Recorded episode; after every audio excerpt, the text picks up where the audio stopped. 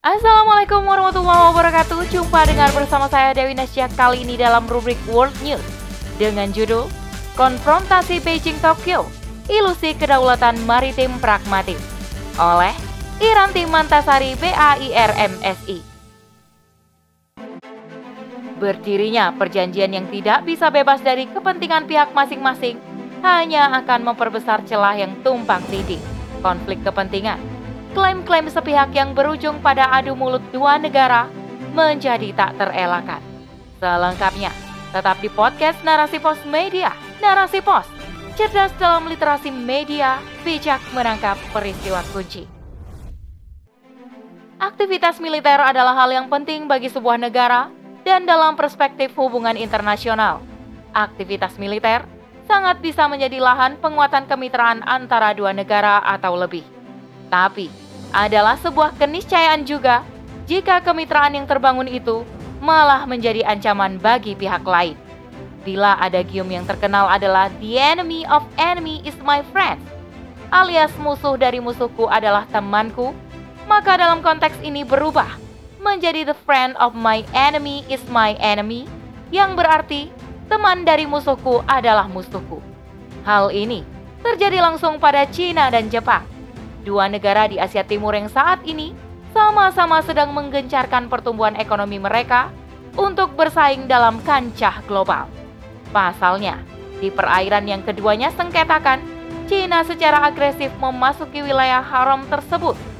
Perairan yang bagi Jepang bernama Senkaku, namun bagi Cina disebut Diaoyu, adalah wilayah yang telah lama menjadi rebutan keduanya. Sengketa wilayah perairan sangatlah lumrah terjadi antara dua negara atau lebih dalam kultur pragmatis seperti hari ini. Klaim serta standar yang berbeda dari masing-masing pihak yang bersengketa umumnya akan menyebabkan berlarutnya persengketaan.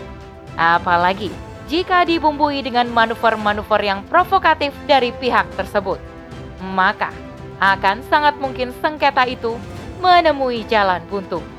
Kapal perang Rusia sebagai pihak yang dianggap dekat dengan Cina terpantau melakukan pergerakan di sekitaran perairan Jepang pada awal Juli yang juga disempurnakan dengan manuver kapal fregat milik Cina di dekat perairan Senkaku.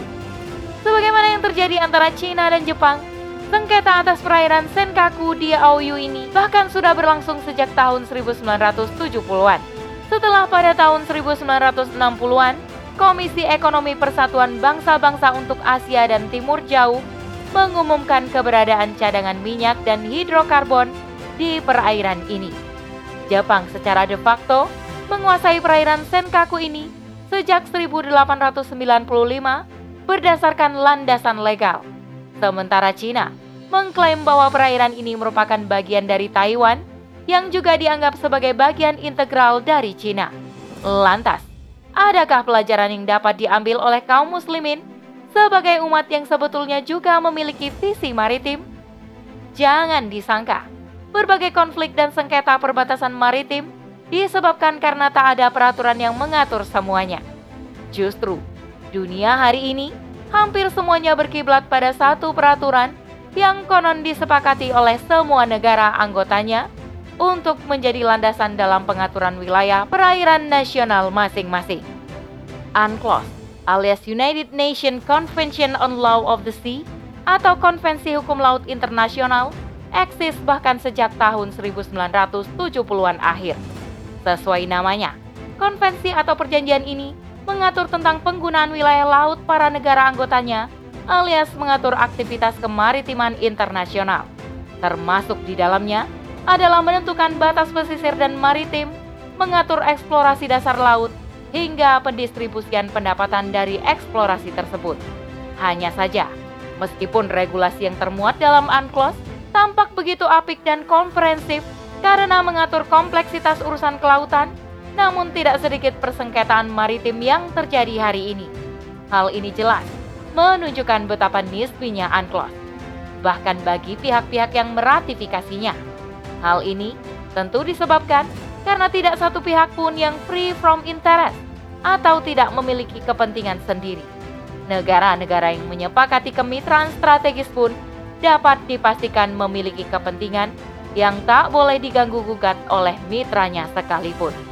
Kondisi ini merupakan konsekuensi logis dari kesepakatan mereka untuk tidak menggunakan aturan-aturan agama dalam menjalani kehidupan. Sepakat untuk tidak menjadikan aturan agama sebagai standar, maka sebagai gantinya mereka akan menyepakati standar-standar lain yang tentu bersifat relatif. Berdirinya perjanjian yang tidak bisa bebas dari kepentingan pihak masing-masing hanya akan memperbesar celah yang tumpang tindih.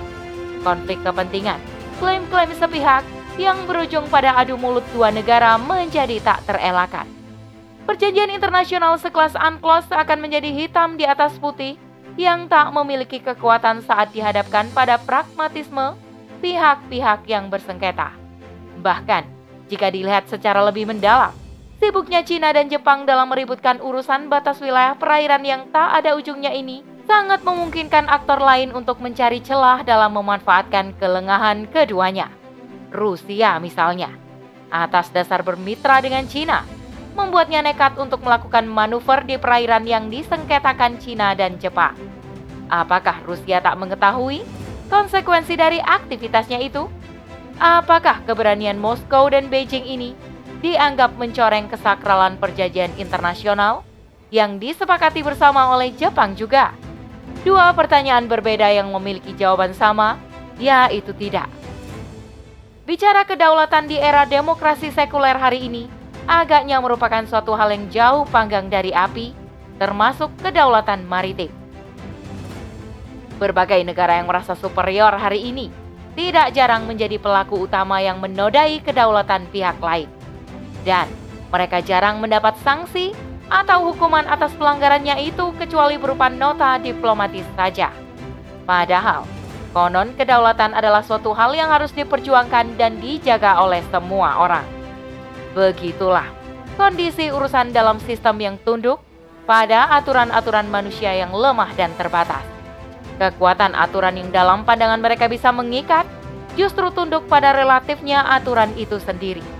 Berbeda halnya dengan maritim yang diurus bukan dengan aturan manusia, melainkan disandarkan pada wahyu. Peradaban Islam telah membuktikan kuatnya kekuatan wahyu dalam mengatur urusan manusia, termasuk di dalamnya urusan perairan laut. Islam juga mengakui batas wilayah yang perbatasan ini menurut hukum syara haruslah dijaga dengan segenap jiwa, sebagaimana umat ini menegakkan jihad visabilillah. Aktivitas ini dikenal dengan ribat atau menjaga perbatasan negara Islam, baik darat maupun laut, agar tidak dimasuki oleh pihak-pihak asing yang memiliki intensi buruk terhadap negara dan umat Islam. Bahkan dalam sebuah hadis mulia dari baginda Rasulullah, beliau bersabda, Ribat satu hari di jalan Allah lebih baik daripada dunia dan apa pun yang ada di atasnya. Hadis riwayat Bukhari. Hadis ini menggambarkan kemuliaan aktivitas ribat fi sabilillah.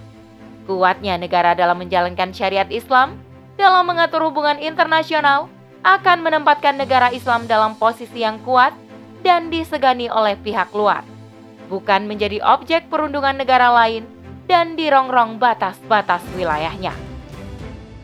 Ketegasan negara Islam dalam menjaga setiap jengkal wilayah dan tak segan untuk menghukum pihak-pihak yang mengancam batas-batas wilayah sekalipun adalah manifestasi nyata dari pelaksanaan syariat terkait urgensi menjaga wilayah negara. Sumber daya alam yang dikaruniakan Allah dalam batas-batas negara Islam akan dilindungi dari rongrongan musuh dan dimanfaatkan seluruhnya untuk kemaslahatan warga negara Islam. Tidak seperti era kapitalis yang menempatkan sumber daya alam milik umum justru dapat dieksploitasi untuk kepentingan segelintir individu berduit saja. Inilah yang membedakan secara kontras antara visi kemaritiman ala pihak pragmatis dengan visi maritim Islam.